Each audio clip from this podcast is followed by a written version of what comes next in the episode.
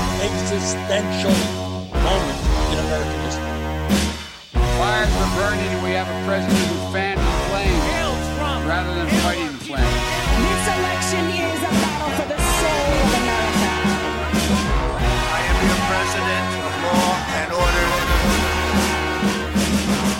Och varmt välkomna till Trumpageddon, Aftonbladets podd om USA-valet. Jag heter Jenny Ågren. Det här spelar vi in onsdag den 14 oktober.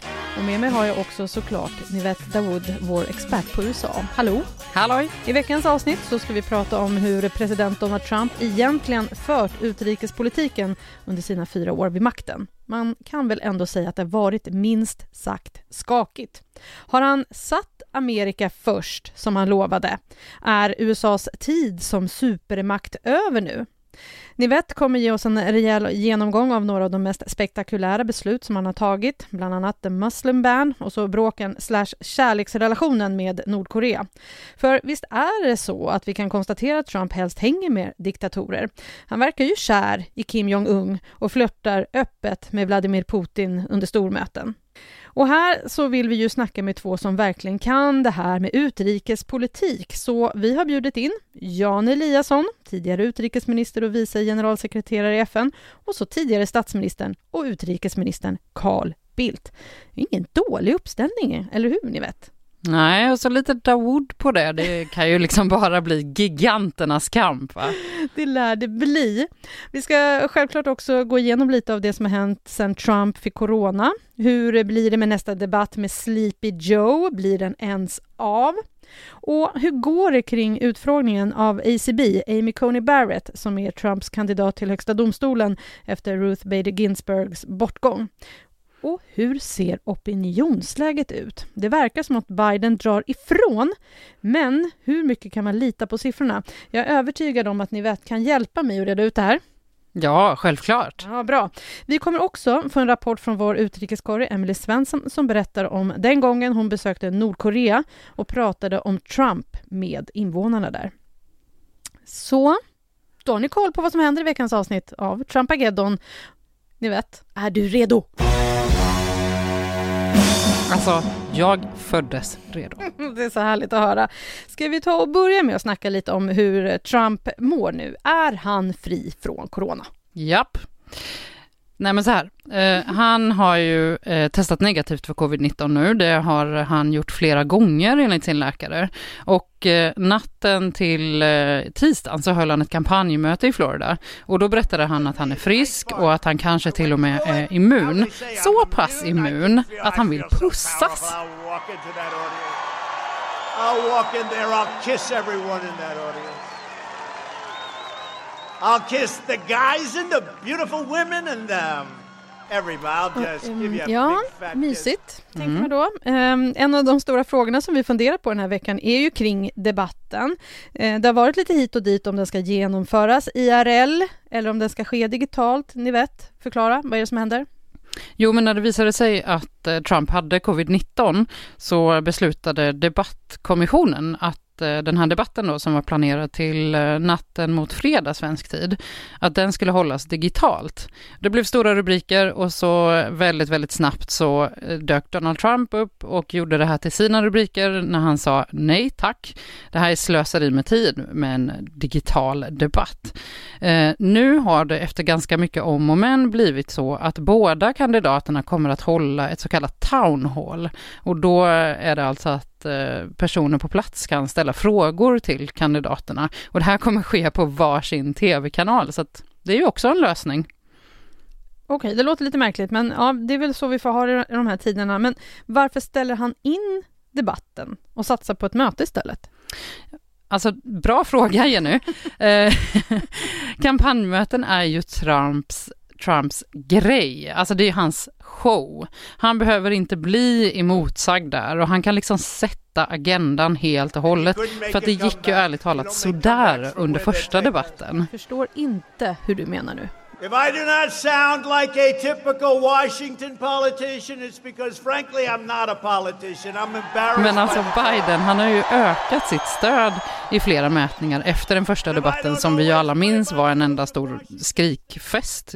Eh, Jag tror helt enkelt att Donald Trump föredrar kampanjmöten för där behöver han inte debattera, han, behöver, han kan hålla sin monolog, han kan visa sin kärlek till väljarna och inte bli avbruten. Och vi ser ju ju också att han verkligen vässar retoriken nu. Han kallar Joe Biden återigen för Sleepy Joe, men han säger också att han är en socialist och att eh, eh, Demokratiska partiet vill nedmontera polisen och upphäva andra författningstillägget om eh, den här rätten då att bära vapen och sånt kan han ju liksom inte säga i en debatt. Damn thing. Sleepy Joe Biden.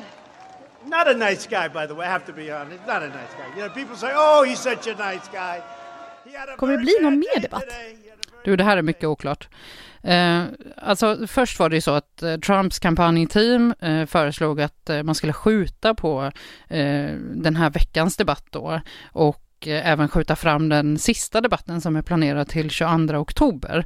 Där sa ju Joe Bidens team att stopp, stopp, stopp. Eh, den sista debatten är redan placerad ganska sent eh, inför valet jämfört i alla fall med tidigare valdebatter och det är ju faktiskt inte Donald Trumps kalender som får styra det här.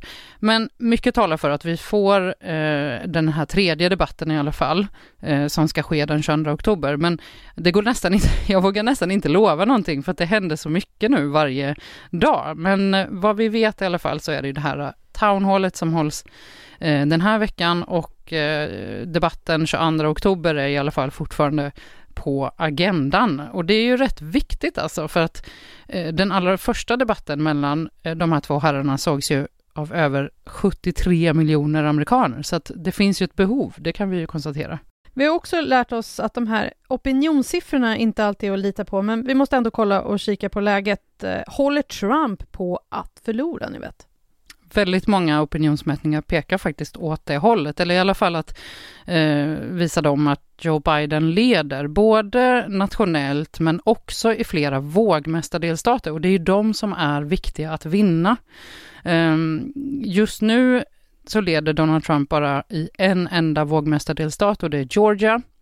Eh, men som sagt, det, det finns ju mycket kvar av det här och, och det är ju lite svårt att följa alla lokala eh, opinionsmätningar. Men det mesta i alla fall just nu eh, tyder på att Biden leder och han leder ganska så rejält dessutom. För att eh, även under förra valet när eh, Hillary, så ledde ju Hillary Clinton över Donald Trump. Men Eh, den ledning som Joe Biden har nu, den är liksom högre än vad Hillary Clinton eh, hade 2016. Det är ju väldigt många som, eh, som, är liksom, som misstror opinionsinstituten eh, numera efter den här felbedömningen som man gjorde förra valet. Men det här har ju de också tagit med sig och lärt sig av, så att nu har man mycket mer liksom med en, en felberäkning och även med den felberäkningen eh, så ser Biden ut att leda i flera opinionsmätningar. Mm. Får vi se hur eh, de här siffrorna fortsätter utvecklas fram till valet. Men varför ser eh, siffrorna ut så här? Vad gör Trump för fel? Eller är det så att Joe Biden gör alla rätt? Det här handlar ju främst om coronahanteringen. Det är ju den som gör att ekonomin ser sämre ut, att arbetslösheten har ökat, att USA har flest dödsfall i världen av covid-19 per land. Eh, och det, är ju, det var ju intressant att veta där om Donald Trump skulle lyckas vända sin coronadiagnos till, till någonting som kunde hjälpa honom. Eh, vi såg ju att han var ganska snabb med att göra det och att han eh, gav sken av att jag har, liksom, jag, har, jag har klott den här sjukdomen och var inte rädda för covid-19 och sådär. Det tycks inte riktigt ha blivit så eh, att han har fått med sig fler eh, med det här tillvägagångssättet, utan istället så verkar det faktiskt som att eh, några republikaner som eh, i liksom, tidigare vet man att de, den väljargruppen inte riktigt har tagit coronaviruset på lika stort allvar som eh, demokrater. Men nu då så tycks de ha reagerat på att eh, Trumps eh, coronahantering liksom till och med har på, kan man säga nästan drabbat honom själv. Eh, och att de faktiskt kanske till och med tar viruset på lite större allvar sen presidenten fick sin diagnos. Det finns några sådana mätningar som visar det. Och sen en annan spännande detalj är ju att över 10 miljoner amerikaner har förtidsröstat. Och det är enormt mycket högre än tidigare val. Och många tror att årets valdeltagande kan bli rekordhögt. Och det tros generellt sett gynna Demokraterna. Så vi får se. Mm. Men innan vi avslutar den här uh, nyhetsuppdateringen, kan vi verkligen utesluta Kanye West? alltså, han släppte ju en kampanjfilm häromdagen. Vote West! Our people. What is just? True justice. We have to think about all these things together as a people. To contemplate our future. alltså, det är ärligt talat så ja. Vi kan faktiskt i princip utesluta Kanye West. Han registrerade sig för sent för att ens finnas med på flera valsedlar i väldigt många delstater. Och sen är det ju inte första gången som han säger att han ska ställa upp i presidentvalet heller. Men det är absolut en liksom skojig händelse och kolla lite på ibland. Men eh, som seriös kandidat, nja. I am Kanye West and I approve this message. Ni vet, det är dags att gå in på veckans tema som är utrikespolitiken. Det har ju varit minst sagt skakigt på den fronten från Trumps sida. Ska vi ta och gå igenom lite av det som han har sysslat med under de här fyra åren vid makten? Okej. Okay. Bra, kör bara. Ja. Den 20 januari 2017 så svärs Trump in som president i USA. Och då upprepar han det som han har sagt under valrörelsen. It's going to be only America first. America first. Vad betyder då America first? Det handlar både om USAs handel, där Trump vill minska det amerikanska handelsunderskottet genom att omförhandla avtal, men också om att USAs ansvar i allianser som NATO ska minska och att andra länder där får ta vid. Det här citatet från hans installationstal sammanfattar hans utrikespolitik bra. America respects the right of all nations to chart their own path. My job is not to represent the world. My job is to represent the United States of America. Han inledde tidigt med att underteckna The Muslim Ban, där medborgare från flera muslimskdominerade länder inte fick resa in i USA på 90 dagar. Han undertecknade också en presidentorder om federala pengar till muren mot Mexiko.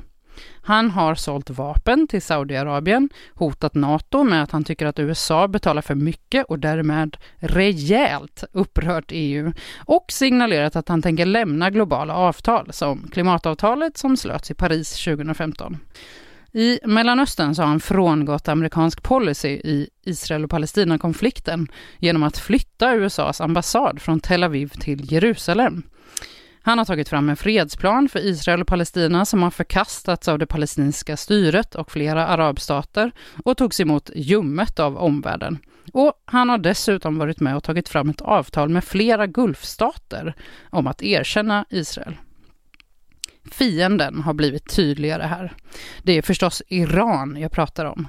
Trump tog USA ut ur Iranavtalet, som han har kallat det sämsta avtalet någonsin. It's just unbelievable. I think it's the worst document I've ever seen att ta hem amerikanska trupper är ett annat tydligt vallöfte från Donald Trump, framförallt från Syrien och Afghanistan. I Syrien blossade kriget upp rejält när USA gjorde verklighet av planerna hösten 2019 och Turkiet såg sitt tillfälle att ta över makten i nordöstra Syrien. Men Trump har också rönt framgångar i Mellanöstern. Amerikanska militärer dödade IS självutnämnda ledare, Abu Bakr al-Baghdadi, i oktober 2019. I nutid så går det ju inte att undvika relationerna med Kina. Det började tidigt under Trumps mandatperiod med ett handelskrig. Kina började ta ut tullavgifter på amerikanska produkter och USA svarade med samma medel. Och så coronapandemin. Trump skyller ju coronaviruset på Kina. Han kallar det Kina-viruset. Och han stoppade ganska tidigt nästan alla inresor från Kina. De här ansträngda relationerna mellan stormakten påverkar omvärlden. Om inte annat så blir det tydligt när Trump i somras tillkännagav att USA klipper banden till Världshälsoorganisationen, som USA ju har varit den största biståndsgivaren till. Trump anklagar organisationen för att vara styrd av Kina i hanteringen och informationen kring covid-19. Tack Nivette, nu får du andas lite. Huh! Huh, där hade vi en bra genomgång av eh, vad Donald Trump har hållit på med de här senaste fyra åren. Och med den genomgången så känns det ju faktiskt dags att hälsa vår första gäst välkommen. Diplomaten Jan Eliasson är en av de stora i svensk utrikespolitik. Svensk utrikesminister, ambassadör i USA, vice generalsekreterare i FN och han har också agerat som medlare bland annat mellan Iran och Irak. Han har också varit rådgivare åt Röda Korset, varit aktuell för partiledarposten i Socialdemokraterna och om man ska tro Wikipedia så har han samlat på förstoringsglas de senaste 32 åren. Hur kommer det sig att du började med det? Min pappa och min farfar blev båda blinda och jag såg dem bli blinda och jag såg dem sitta med stora förtroendeglas i köket och uh, söka uh, läsa små texter, sitta framför tvn på två decimeters avstånd. Då tänkte jag att det är väl ärftligt här, så, men jag får nog eh, mer än en enrummare som jag växte upp i. Så att uh, det är väl lika bra att ha en, ett förstoringsglas i varje rum. och sen bara börjar Sen blir det en jätterolig hobby. Jan, vi ska prata utrikespolitik. Eh, vad ser du för linje i Donald Trumps utrikespolitik? Ja, det enklaste svaret är att han är emot det mesta som eh, president Obama har gjort. Men det är lite för enkelt att säga så. Eh, han har en grundläggande filosofi som att eh, går ut på att han sätter de strikt nationella intressena först. Eh, han gör, gör i själva verket en motsättning mellan nationella och internationella. Och det är till och med på många punkter så att han betraktar omvärlden som ett hot. Vare sig det är varor, idéer eller människor, flyktingar, migranter. Så det är det grundläggande, eh, att sätta Amerika först. Och eh, det gör han, visar han på olika punkter. Så den eh, filosofin är den som ligger till grund. Sen översätts den till olika andra ting. Eh, till exempel att eh, USA inte eh, vill eh, se allt för många engagemang i utlandet. Eh, jag tror inte att han eh, vill ha trupp i utlandet egentligen. Eh, vilket inte alls är så negativt, men att han också har uppfattningen att allierade i NATO till exempel ska betala för sig.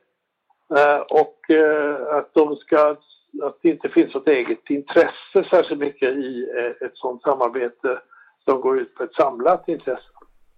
Skulle du säga att han har infriat löftet att sätta Amerika först?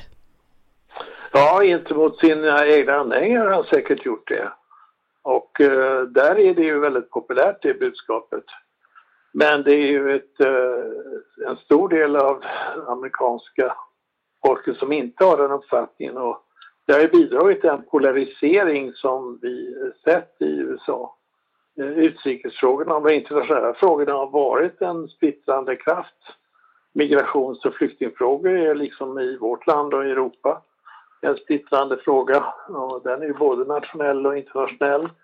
Klimatfrågan som han, eh, han lämnade ju Parisavtalet, FNs stora Parisavtal det gör han ju delvis för att han vill nå, få röster i eh, kolproducerande delstater i USA. Så att han gör också inrikespolitik av utrikespolitik. Har du träffat Donald Trump? Ja. Vad var ditt intryck? Två gånger. en uh, mycket expansiv person, ganska skrytsam, ryggdunkande. Ja, mycket hjärtlig av sig. Eh, jag träffade honom i New York. Han ville bygga om FN. Men han ville inte lägga något bud på att göra jobbet. Uh, och uh, sen träffade jag honom i ett humanitärt sammanhang. Han, han stödde en humanitär uh, händelse, event i Washington. Det är, inte, det är inte så ofta man tänker på honom som hjärtlig. Det är inte så riktigt han framstår riktigt i media.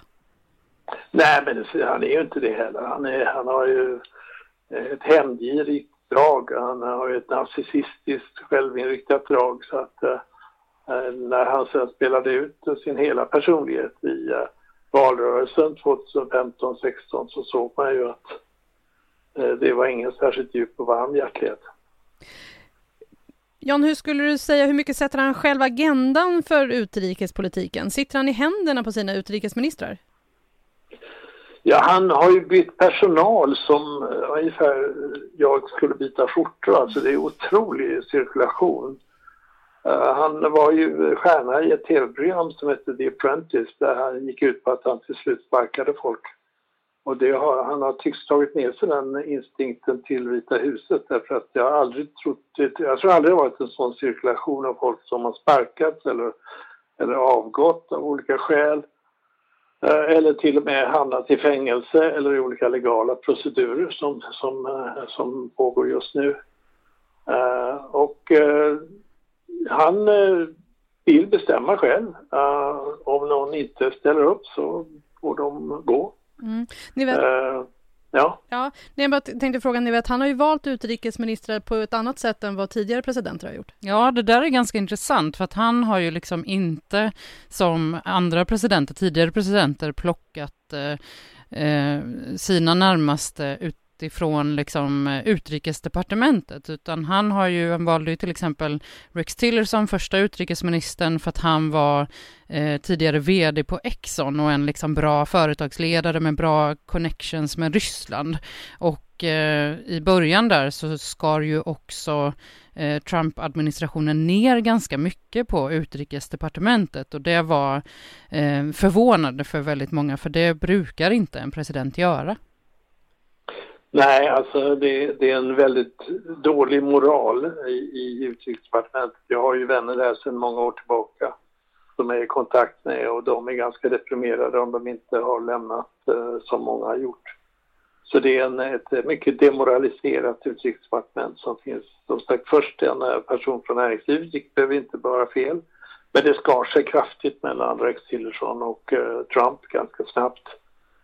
Eh, och eh, han talar inte särskilt väl om presidenten, till och med i offentliga sammanhang tror jag numera. Eh, Pompeo togs ju från kristna högern och är en mycket ledande person där. Han är väl mer stryktålig också. Och han och Trump verkar gå bättre ihop. Um, försvarsministern har direkt gått emot Trump på vissa punkter att eh, försvarets resurser ska kunna användas i oroligheter i landet och så vidare. Man känner spänningarna, inte minst från eh, som sagt Pentagon. Generaler har ju tagit avstånd också från, från Trump, så det finns väldiga spänningar inom administrationen. Jag funderar på om det är någon typ av söndra och härska politik som Trump för över ja, men utrikesdepartementet till exempel. Vad säger du om det? Jo, det, det är det är väl så, men de är så försvagade nu så att eh, de har ingen särskilt stor roll. De har fått en duktig diplomat som vice utrikesminister. Han var chefsförhandlare i eh, Koreafrågan och jag känner honom sedan länge och vi har träffat honom också genom arbetet på SIPRI som vi jobbar ju också med Koreafrågan. Han blev vice utrikesminister och det sågs som en stor lättnad. Men jag tror inte han har det så lätt. Ni vet, några av Trumps stora beslut har ju varit att USA ska lämna flera internationella avtal. Vad är det som han egentligen har brutit? Ja, precis. det är en lång rad. Ja, ja, det började ju med att han lämnade eh, Parisavtalet för klimatfrågan. Och sen lämnade han eh, också eh, energiavtalet, kärnenergiavtalet med USA som var oerhört noggrant förhandlad. Jag var själv med i de förhandlingarna. Eh, och sen lämnade han eh, Mänskliga rättighetsrådet, tror man eller inte, ett eh, ledande demokrati som lämnar Mänskliga rättighetsrådet. Det är ganska sensationellt. Han lämnade migrationsöverenskommelsen som vi nådde 2018 därför att han tyckte att den påverkade USAs nationella suveränitet. Det var han och Orban i Ungern som lämnade det avtalet när de redan hade indikerat att de skulle skriva under. Och så lämnade han nyligen, som ni vet, eh, Världshälsoorganisationen eh, som en del i eh, att han jag ville skifta fokus från sitt eget agerande i pandemifrågan till uh, Kina och till Världshälsoorganisationen. Jan, du har varit inblandad i flera av de här avtalen. Ja, det är det, det, är det som gör jag kan inte låta bli att känna ett, en viss personlig känsla också i de här frågorna. Jag har ju förhandlat eh, Mänskliga rättighetsrådet 2005 och 2006. Vi fick ju igenom det nya rådet då. Jag har varit med i Ban Ki-Moon och förhandlat klimat för Parisavtalet. Jag har varit med i eh, eh energiavtalet med Iran. Jag har rest till Iran för att eh, understryka FNs intresse av att Iran skrev på. Eh, jag har varit med i hälsofrågor också. Jag har jobbat med ebola och med fågelinfluensa tidigare och sett Världshälsoorganisationen jobba hårt, även om de har sina brister som alla organisationer. Så jag måste säga att jag känner också lite personlig sorg och eh, frustration över att USA som varit det ledande landet efter andra världskriget att skapa de här internationella strukturerna nu lämnar de här överenskommelserna i parti och minut. Var Biden också med i det här och hur viktigt var de här avtalen för honom? Ja, Biden eh, är ju en eh, mycket utrikespolitiskt eh, orienterad politiker. Han var ju i senaten under många, många år och hans favoritutskott där han alltid trivdes att vara, det var utrikesutskottet. Så han kan utrikespolitik och han har ett kolossalt kontaktnät. Jag har träffat honom när jag var ambassadör i Washington flera gånger. Eh, han eh, stödde utrikesminister Kerry väldigt starkt eh, när han, Kerry, företrädde USA i de här Iran-förhandlingarna. Och ja, han är en internationalist utan tvekan, som Demokratiska partiet är egentligen. Även om det finns sådana här inåtriktade tendenser i alla länder nu. Så vi får se hur det går i valet och om det kan bli en skillnad. Det blir säkert en skillnad, men hur stor får vi väl se om han skulle vinna. Om vi eh, går tillbaka till Iran-avtalet som vi pratade lite om tidigare. Vad skulle du säga är konsekvenserna av att det har brutits nu av USA? Ja, det är en eh, ganska allvarlig konsekvens. För det första så har vi då osäkerhet om vilken riktning Iran ska gå. De har än så länge samarbetat med eh, IAEA, det organ som ska kontrollera avtalet. Men eh, det har stärkt den konservativa falangen i Iran. President Rouhani och utrikesminister Zarif är på defensiven i opinionen och kritiseras för att ha gått ner på ett avtal som USA så lättsinnigt har lämnat. Det har också blivit spänningar mellan eh, USA och Europa därför att både Storbritannien, Frankrike och Tyskland som varit med i det här avtalet eh, står fast vid avtalet och det har lett till eh, en ovanlig spänning mellan allierade länder. Så att det negativa utfallet är mycket, mycket stort. Eh, om nu Biden vinner så blir det ett, ett långvarigt reparationsarbete för att få det här avtalet på, på, på, på räls igen. Jan, du och 49 andra utrikesministrar och andra ledare har varnat för Trumps planer för Mellanöstern. Kan du berätta lite mer om det? Nej, det är att eh, man måste ju ha en process där också palestinierna är med i eh, förberedelsen för initiativet. Det fanns ju praktiskt taget ingen roll för palestinierna under hela den här uppbyggnaden av eh, den plan som Jared Kushner, svärsonen, i huvudsak hade ansvaret för. Och det visar ju sig också nu att det är en stor frustration hos palestinierna. Eh, sen har ju eh, Trump i och för sig framgångsrikt eh, stött Israel i att få kontakter med vissa arabiska stater och nu har ju tror jag, tre stycken arabstater upprättat diplomatiska förbindelser med, med Israel. Och det i sin tur är väl en positiv sak men det är också så uppenbart splittrat. Det har så uppenbart splittrat också den, den eh, arabiska världen så det finns ingen samlad politik kring eh, den här frågan och jag tror till slut måste Israel eh, gå med på ett, en process som leder till att det skapas två stater i regionen. Men det perspektivet är inte särskilt aktuellt eller ens realistiskt just nu. Du pratar ju här om avtalet mellan bland annat Förenade Arabemiraten och Israel. Vad tror du om det? Är det inte en game changer? Jo, det är väl, det är väl en positiv faktor om det kan leda till att Israel därmed skrinlägger sina eh, planer på att annektera territorier, först i Jordandalen och, och sen naturligtvis på Västbanken.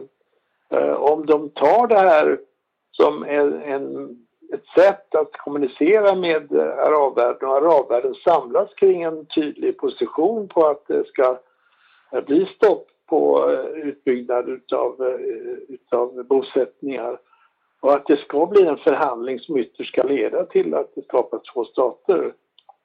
Men det är inte helt säkert att eh, arabvärlden eh, stöder Palestina så starkt. Därför att det finns en ny faktor som påverkar dynamiken i hela den här regionen. Och det är oron från arabstaterna för Irans ökande makt i området. Så att eh, jag tror att deras intresse av att göra avtal nu med Israel delvis speglar på att de vill ha en eh, starkare partner i olika avseenden, både politiskt, militärt och militärt eh, med Israel gentemot, eh, gentemot Iran. Och det gäller ju i högsta grad Saudiarabien. Det är en av de största spänningarna faktiskt, inte bara i regionen, utan i världspolitiken nu spänningen mellan Iran och Saudiarabien. Som båda då leder eh, eh, den shiitiska delen respektive den sunnitiska delen av islam.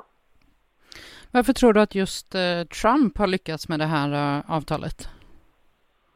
Jag tror att han har mycket goda relationer med Israel. Han är ju hjälpt Israel som flyttade, han flyttade ambassaden från Tel Aviv till, eh, till eh, Jerusalem. Eh, han har ställt sig bakom Netanyahus alla förslag och stött honom på alla punkter. Eh, han har dessutom väldigt nära förbindelser med eh, Saudiarabien och Gulfstaterna. Inte minst därför att de har köpt enorma mängder krigsmaterial från USA. USA har ju nu en, en försvarsbudget som är på över 700 miljarder dollar och det är 40 procent av världens alla rustningar som uppgår till nästan 2 triljoner dollar, alltså 1917 miljarder dollar. Så att eh, krigsmaterial är en faktor i deras relationer. Om vi tar och tittar lite på situationen i Syrien. Ni vet, du har ju varit där. Hur ser relationen mellan Syrien och Ryssland ut just nu? Ja, jag var där, jag var i Aleppo 2017 efter att eh, regimen hade tagit kontroll över Aleppo som gör en, en väldigt viktig stad i Syrien eh, och brukade vara en handelshubb. Eh, och när vi kom dit, eh, jag och fotograf Magnus Wennman, då såg vi eh, i princip lika många eh, affischer på eh, Bashar al-Assad, som är president i Syrien, eh, som vi såg affischer på eh, Vladimir Putin, som är president i Ryssland. Och Eh, Syrien och Ryssland har ju, haft en, har ju länge haft en, en väldigt god relation och den har ju bara förstärkts eh, sen eh, Ryssland på allvar gick in i Syrienkriget. Vi såg också, ska sägas, eh, rätt många flaggor eh, för Iran. Det vi absolut inte såg var ju någon USA-flagga. Jan, vad säger du? Har eh, Trump liksom lämnat över allt det här med Syrien till Putin och Ryssland? Ja, jag tror nästan man kan säga så. Det är ju ingen tvekan om att eh, när Ryssland gick in eh, militärt i mycket stark grad då 2015, eh, ja det började till och med 2014, och dessutom Iran genom revolutionsgardisterna framförallt blev en väldigt stark faktor tillsammans med Hezbollah ifrån, från Libanon förresten så eh, skiftade den politiska balansen till förmån för Syrien, Syriens regering. Eh, då ehm, valde USA eh, att inte gå med i den, den militära konkurrensen. Ehm, redan tidigare hade Obama faktiskt darrat på manschetten när han hade sagt att han skulle överväga en amerikansk militär roll om kemiska vapen användes av regimen. Och det gjordes det men det ledde inte någonting. Så att USAs roll har inte varit alls av den omfattningen militärt som eh, Iran och, eh, och Ryssland. Och det har ju då hjälpt, eh, Saudi, hjälpt eh, Assad. Och han eh, har nu ganska stor militär kontroll. Men eh, det här att Trump då har lämnat över eh, makten över eh, Syrienkriget till Putin, kan det vara farligt på något vis? Ja, det, det är nog många i eh, arabvärlden och annat som ser vad som händer och frågar sig hur starkt det amerikanska engagemanget är. Det, de finns ju fortfarande kvar i mindre antal men mest då för att bekämpa IS och att IS, eh, den terrororganisationen, inte kommer tillbaka. Men eh, de, eh, många kurder till exempel anses ha sviknat. Kurderna fick betala ett jättehögt pris i, pris i kampen mot IS.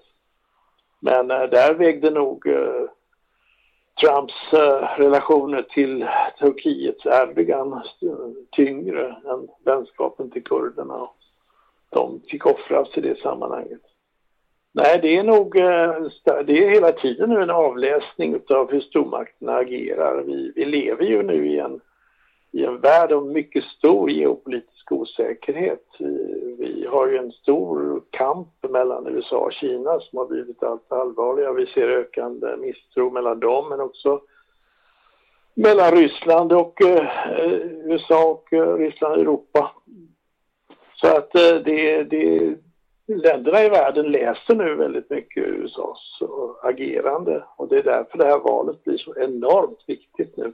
Om det ska bli fyra år ytterligare med Trump eller om det ska bli Biden som ska försöka återställa något av det som raserats av Trump. Mm, vad tror du, skulle det kunna bidra till världsfreden om USA tog ett steg tillbaka som världspolis? Ja, det beror ju på vad andra gör. Eh, tyvärr är det ju så att när en stormakt lämnar så tar en annan ofta den platsen. Vi ser hur eh, Ryssland delvis eh, sökt fylla detta vakuum i Mellanöstern. Jag själv har sett och hört från mina vänner i FN att Kina tar över på många punkter. Det har aldrig varit så många kinesiska fredsbevarande soldater i FN.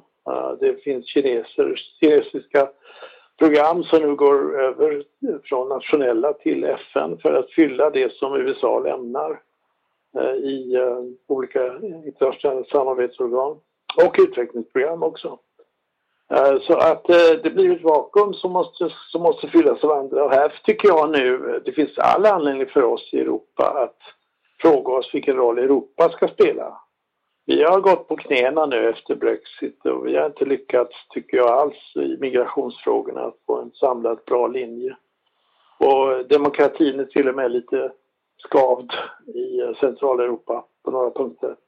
Men ändå står vi ju på en värdegrund som är väldigt stark. Demokratins grund och vi har en utrikesorganisation och vi har duktigt folk där. Så att jag skulle nu vilja se att här finns faktiskt en möjlighet för Europa att börja spela en roll. Eh, det får inte bli så att demokratins krafter försvagas i den här tiden. Särskilt om då USA, om Trump fortsätter, fortsätter att lämna och och dessutom visar större svaghet för att ta kontakter med auktoritära ledare som Erdogan i Turkiet och Sisi i Egypten och Orban i Ungern. Så att jag vill se det här en chans för EU att ta för sig lite grann och bli mer utav en global, eh, globalt relevant aktör. Så vad tror du händer om det blir fyra år till med Donald Trump? Ja, jag måste erkänna att jag bävar. Det, det, det, har varit så mycket nu som har gått isär på det internationella planet. Eh, FN är försvagat och i hög grad. Och vi ser till och med att eh, demokratin inte är det självklara valet för många länder. Eh, det handlar ju om den ordning som sattes upp efter andra världskriget den tiden mellan 1930 och 1945 var nog den mörkaste, svartaste perioden som nästan hela historien har haft. Den mörkaste perioden någonsin och då så kommer som fågel Fenix drömmarna om ett internationellt samarbete upp. FN-stadgan i 1945, mänskliga rättighetsdeklarationen 1948, flyktingkonventionen 51, Genèvekonventionerna eh, kol och stålunionen bildades. Och så internationella samarbete var det givna. Ja, jag måste säga, jag tror aldrig i mitt liv jag skulle senare i livet som nu se att eh, internationellt samarbete inte var en positiv kraft.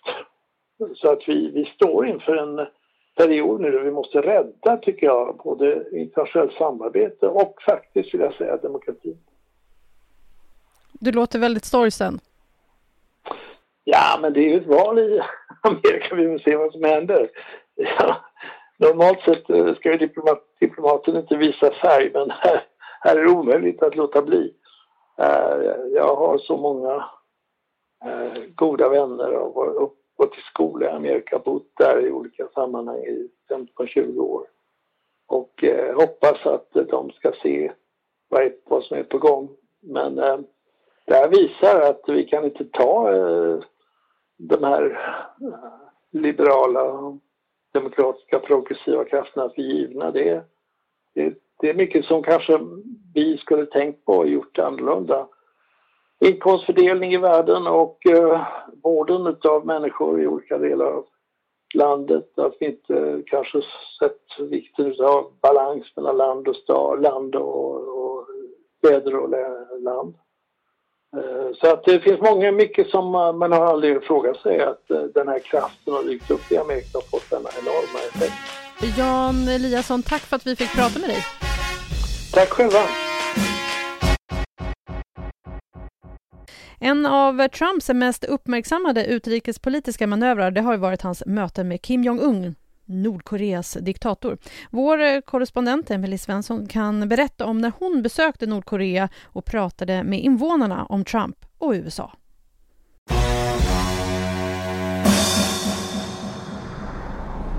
Vi måste ha kärnvapen. Annars skulle USA bara komma in och ta över. De gillar inte oss, säger Mr K som har håliga kinder, en tre nummer för stor kostym och en röd pin på kavajslaget med ledaren Kim Il-Sungs ansikte på. Vi åker buss tillsammans i Nordkorea 2018 genom majs och risfält. Från huvudstaden Pyongyang till gränsen mot Sydkorea. Jag kan inte berätta mycket mer om Mr K för hans egen säkerhet. Men han är född och bor i Nordkorea.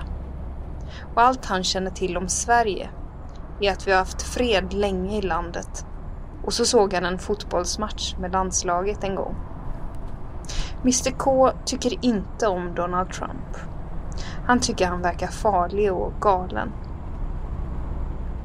Vägen till den demilitariserade zonen som delar den koreanska halvön på mitten kantas av stora cementpelare. Jag frågar Mr K vad de är till för. Han säger att när kriget kommer, då ska de sprängas så att vägen mot Pyongyang snabbt blockeras.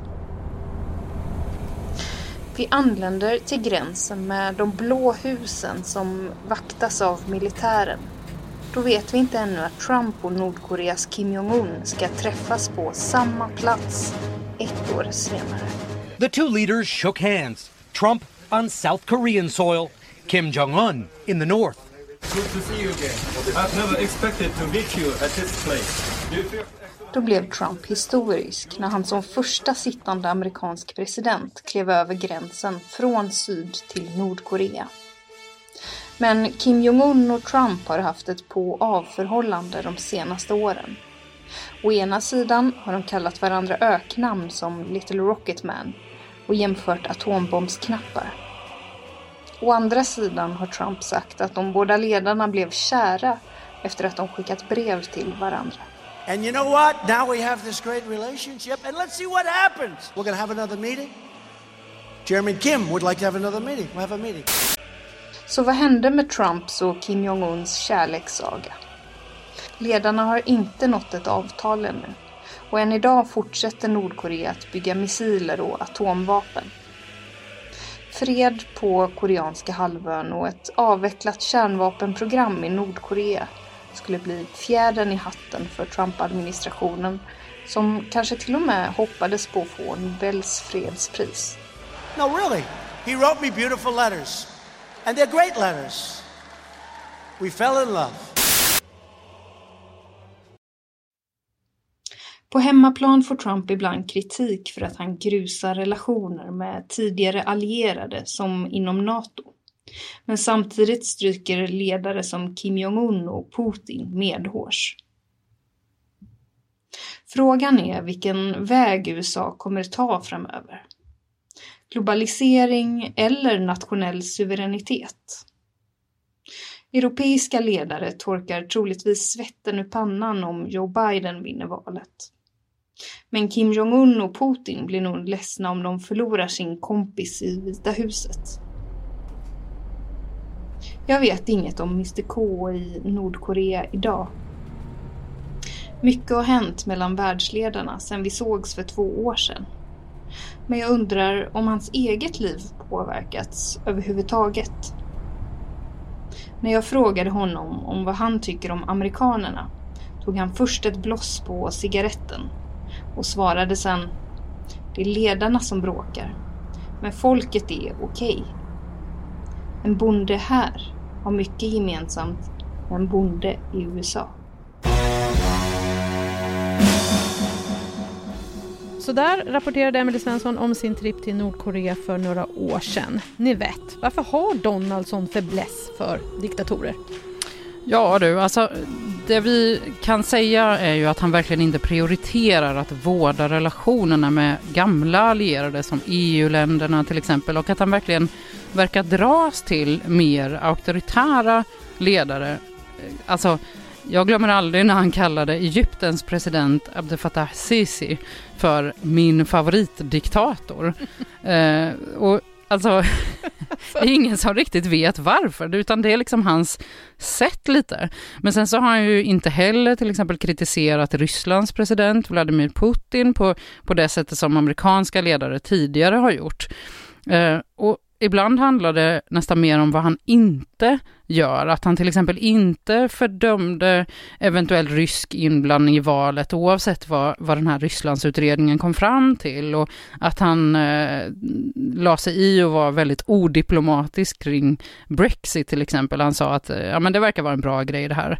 Eh, och sen också Eh, måste jag ju också ta upp eh, det här mordet på Jamal eh, Khashoggi i, som Saudiarabien har pekats ut för. Inte heller där har Trump fördömt den händelsen. Det här kan man prata hur mycket som helst om, men det är ju tydligt att, att Donald Trump sköter sina relationer på ett alldeles speciellt sätt. Det kan man verkligen säga. Och med det här så är det dags att säga välkommen till gäst nummer två. Carl Bildt har ett långt CV när det gäller utrikespolitiken. Han har varit Sveriges statsminister, utrikesminister, har medlat för EU under kriget i Jugoslavien och var FNs generalsekreterare Kofi Annans speciella sändebud på Balkan. Carl Bildt har också inte att förglömma varit programledare för matprogrammet Middag med Bildt. Hej och välkommen till Trumpageddon, Carl Bildt. Tackar, tackar. Ja, det där det hade jag nästan glömt bort. Middag med Bildt. Det, det, det, var rätt kul faktiskt på sin tid. Mm. Så vad säger du om Trumps utrikespolitik de här senaste fyra åren? Osammanhängande till stora delar, men det är klart det har varit ett antal eh, förenande drag och de såg vi ju redan från början för det går tillbaka till vad han själv har sagt om man går rätt långt tillbaka i tiden när han har yttrat sig i internationella frågor. Det är eh, Amerika först som han säger. Eh, inget hänsynstagande och inget intresse av någon stabil global ordning inget intresse av allierade, de uppfattar han mera som en belastning. En eh, rätt simplistisk eh, fokusering på handelsbalans och handelsunderskott, en närmast eh, merkantilistisk inställning till de ekonomiska förbindelserna i världen. Och sen har till detta kommit att läggas en viss fäbless för eh, starka män eh, slash diktatorer eh, intresse för sådana saker som traditionellt och så starka amerikansk utrikespolitik som mänskliga rättigheter och demokrati har ju varit eh, minst sagt stapplande. Du sa ju själv nu att du inte har träffat Donald Trump, men har du träffat Joe Biden?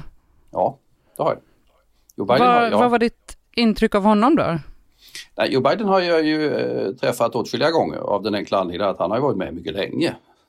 Han var ju, eh, jag träffade väl honom också som vicepresident i och för sig, men framförallt när han har suttit i senatens utrikesutskott, han har ju suttit i några decennier i stort sett.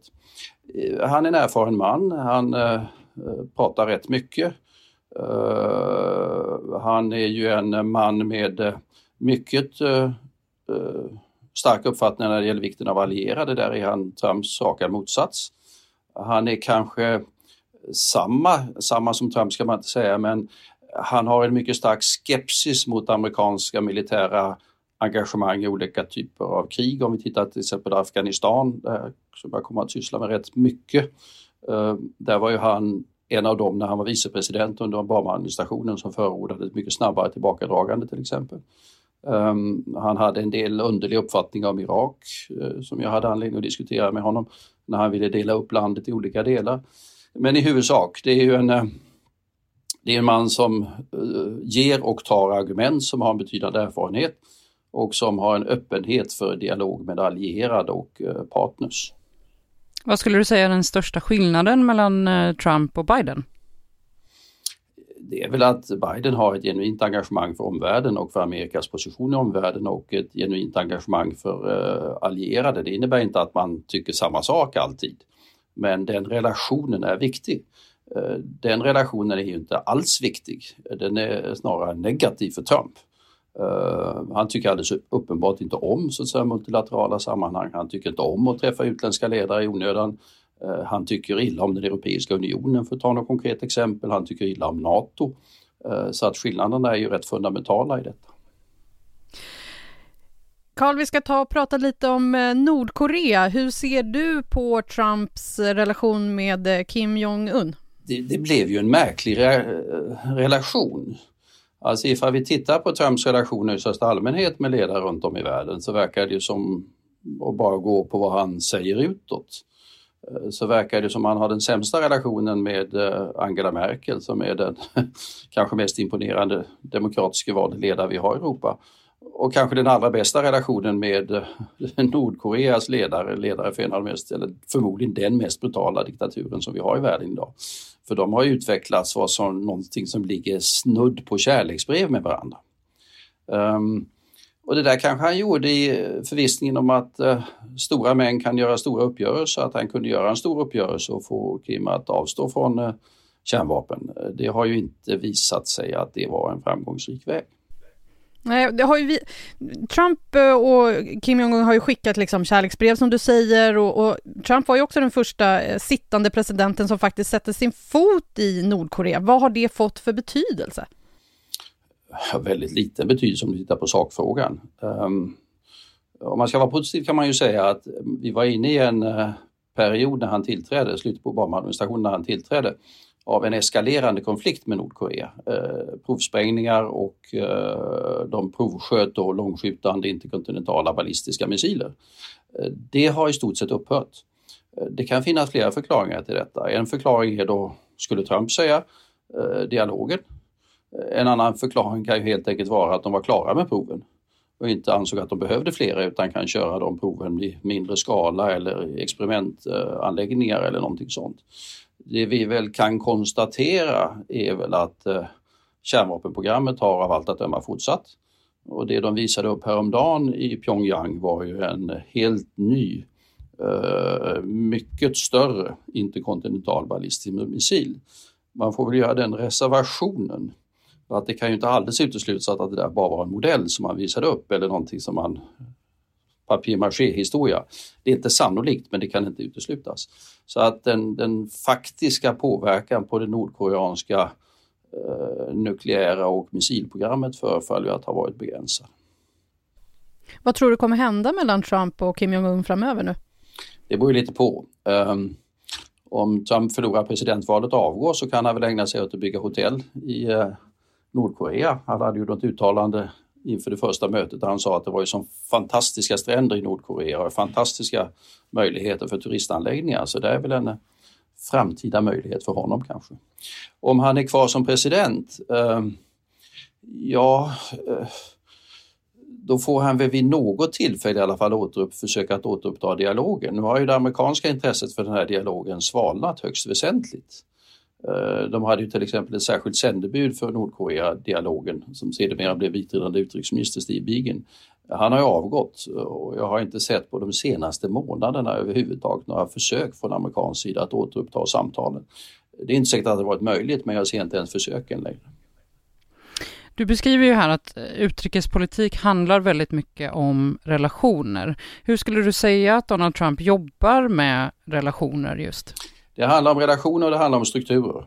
Eh, men relationer, ja, det har ju skrivits åtskilligt om detta, eh, att hans filosofi är ju väldigt mycket att han är en dealmaker. Eh, han kommer från fastighetsbranschen, där gör man den här typen av affärer uppenbarligen. Så att han går gärna in i en stark konfrontation med någon och så hoppas han att därefter kan man göra en mer eller mindre smutsig uppgörelse av något slag. Och det är det, det är det han har försökt med på olika sätt. Eh, det har väl inte varit alldeles lyckat men det verkar vara hans filosofi. Hård konfrontation som stundtals då leder till en uppgörelse. Eh, det har blivit mer av konfrontation än av uppgörelse inom parentes. Om vi håller oss kvar lite i öst, eh, mm. tror du att världen fått ett nytt kallt krig mellan USA och Kina? Ja och nej, jag tycker inte riktigt om den där jämförelsen med kalla kriget. Eh, för att eh, konfrontationen med Sovjetunionen var någonting helt annat. Eh, dels var Sovjetunionen inte alls den typen av men från vårt perspektiv, vi ligger nära det som var Sovjetunionen. Men så var de rätt stora, men i ett globalt sammanhang så var de inte så betydelsefulla om man bortser från kärnvapen och FNs säkerhetsråd. Um, och sen var det ett ideologiskt uh, element i detta som också var relativt starkt. Det där har vi inte alls med Kina utan uh, där har vi någonting som från amerikansk utgångspunkt är mycket värre. Det här är ju ett land som i alla fall i ett längre perspektiv skulle kunna göra anspråk på att vara den ledande makten i världen. Och det är en position som USA har haft. Ekonomiskt har de varit den ledande makten sedan ungefär 1870-talet när de ersatte britterna och eh, på den allmänna världspolitiska scenen i alla fall sedan ungefär mitten av det förra århundradet har de varit den ledande makten i världen. Eh, skulle Kina utmana dem i den positionen, ja det uppfattar självfallet från amerikansk utgångspunkt som ett alldeles avgörande hot. Så det är en, eh, det är en kamp av annan karaktär. Eh, betydande, hård, långsiktig.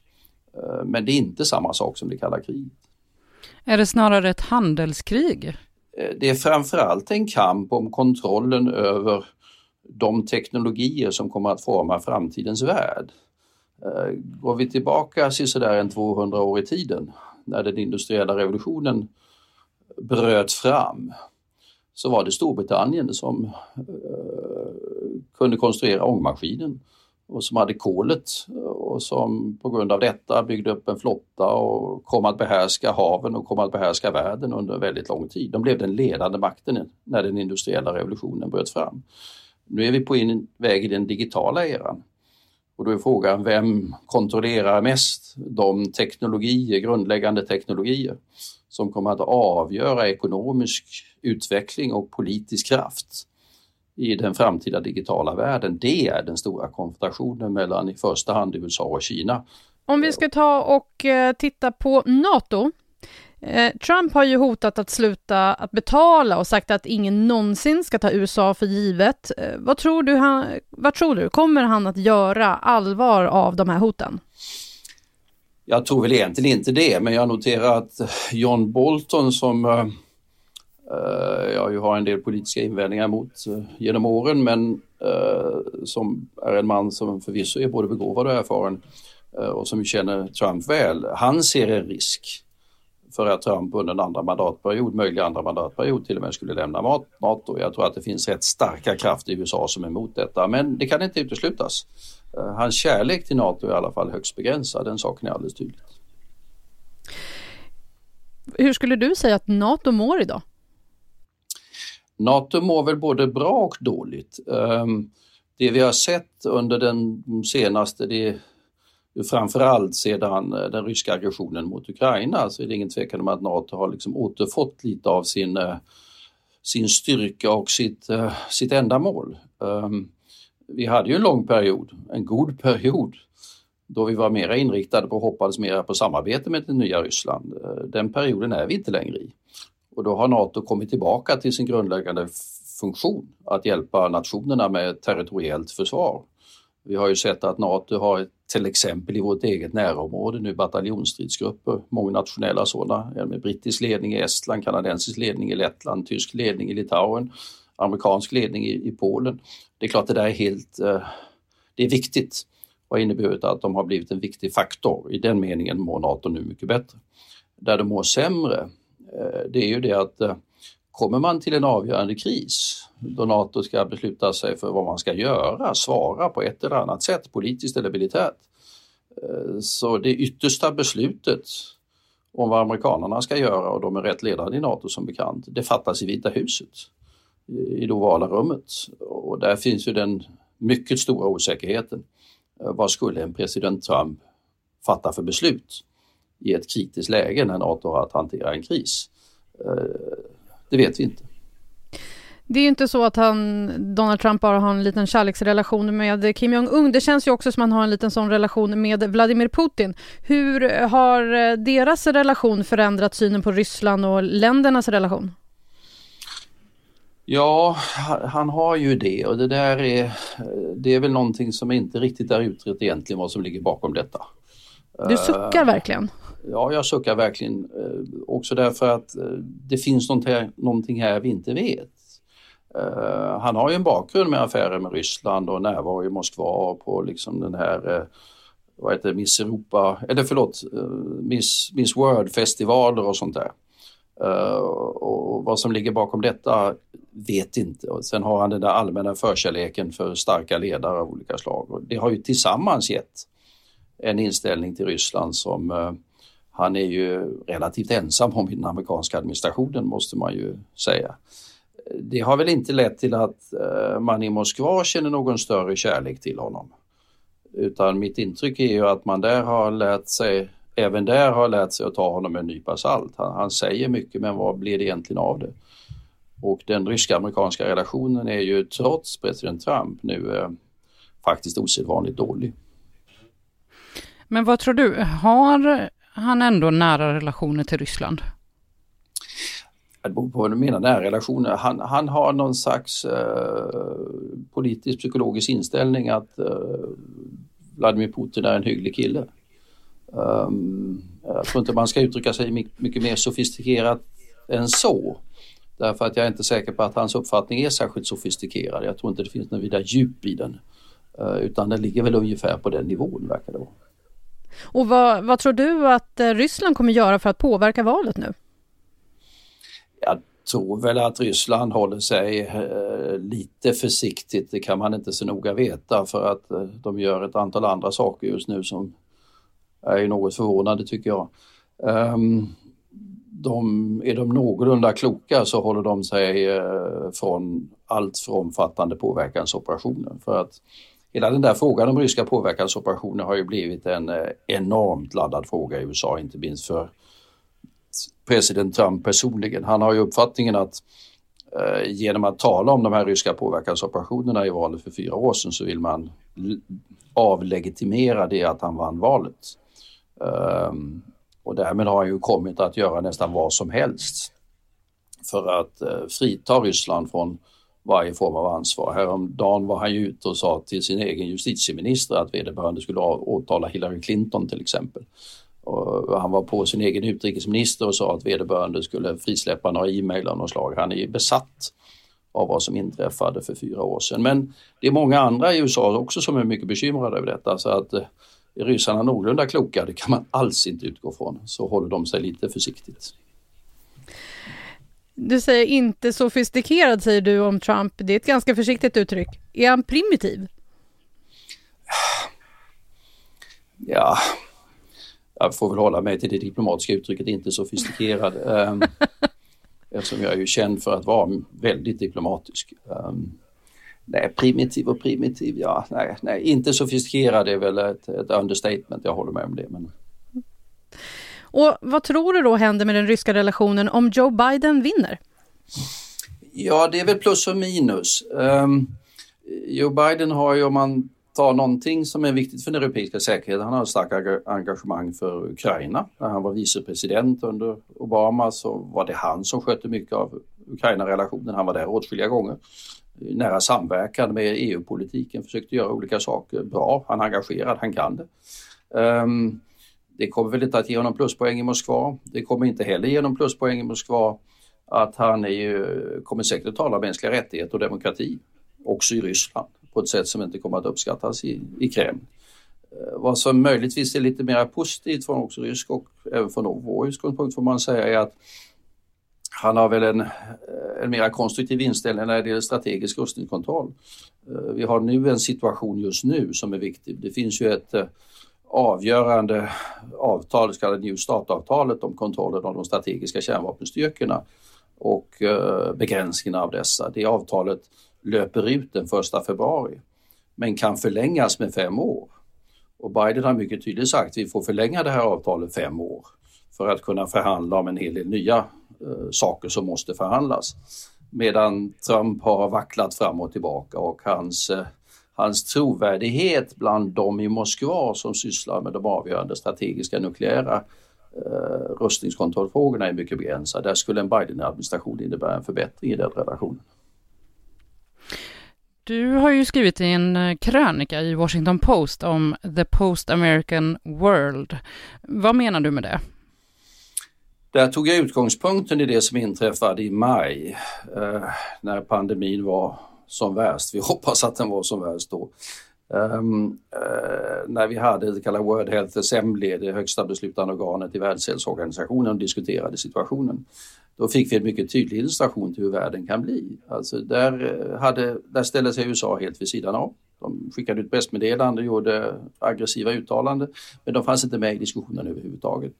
Utan där framträdde Kina med mycket så att säga, självmedveten och stark inställning och där framträdde för också Europeiska unionen på ett eh, intressant och rätt konstruktivt sätt och lyckades då förhandla fram vad som blev de avgörande slutsatserna.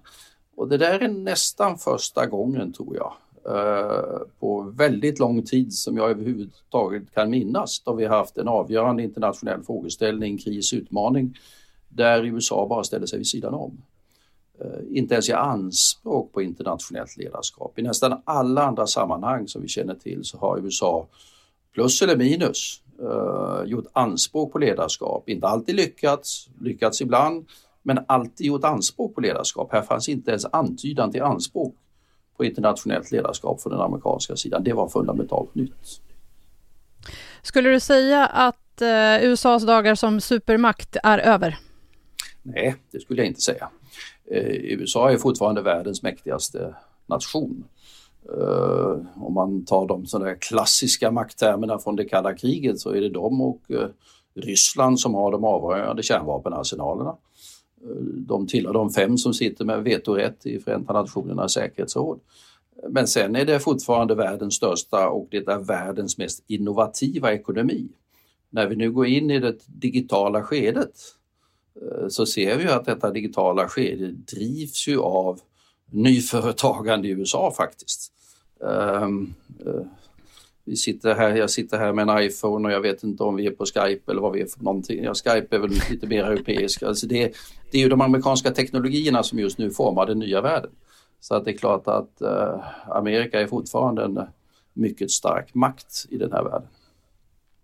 Vad händer om det blir fyra år till med Donald Trump? Du har ju tidigare pratat om att NATO-samarbetet kan vara hotat. Ja, och jag sa för, eh, för fyra år sedan inför det att han valdes så sa jag i ett tweet att om Donald Trump blir vald, better head for the bunkers. Ehm, um, det kan ju säga, man ska säga, det är positivt, vi har inte fått några nya krig i alla fall under de här fyra åren. Um, och där är ju Trump återhållsam eh, får man säga. Han, han, har backat tillbaka vid flera tillfällen när det har varit frågan om uh, mer omfattande våldsanvändning. Men den stora faran är ju att vi, uh, vi får ett ännu mera tydligt sammanbrott för de olika internationella samarbeten, multilaterala och andra som vi behöver för att hantera avgörande globala frågeställningar. Uh, hälsofrågorna vi behöver ett vaccinsamarbete. Klimatfrågorna. Eh, I november nästa år har vi ett stora uppföljningsmöte till Parisavtalet i Glasgow i november. Eh, kommer det vara möjligt att få en global överenskommelse som gör att vi har någon möjlighet att klara klimatutmaningen? Om USA ställer sig vid sidan om så är det klart att det blir mycket besvärligt. Um, åtskilliga andra frågeställningar finns det risk att konfrontationen kommer att öka, samarbetet kommer att minska och våra förutsättningar för att hantera olika frågor kommer att bli avsevärt mycket mindre. Det kommer att ställa mycket svåra krav på oss europeer. Karl, eh, tack så mycket för att du var med i Trumpageddon. Tack så mycket, trevligt. Okej, ni vet, nu eh, känner vi verkligen oss pålästa om utrikespolitiken, eller hur? Ja, oerhört. Oerhört. Ja, jag vet inte, jag, jag finner inga ord för detta perfekta program med två sådana giganter. Nej, var, och sen var det ju kul också att Jan Eliasson och Carl Bildt var med. Ja, just det. Du Mm. menade de som, du menade att det var vi som var giganterna? Ja, såklart. Eh, tack eh, för idag Nivette. Och tack till dig som har lyssnat. Du har lyssnat på Trumpagaddon med mig, Jenny Ågren och Nivette Davud. Du hittar självklart podden i din poddspelare och vi är tillbaka med ett nytt avsnitt nästa vecka. Så prenumerera gärna så missar du inte när vi är ute nästa gång. Du får gärna höra av dig till oss också. Du kan mejla trumpageddon.aftonbladet.se. Vi har såklart även ett Instakonto som heter trumpageddon podd. Ha det så fint nu så hörs vi snart igen. Hej då! Hej då!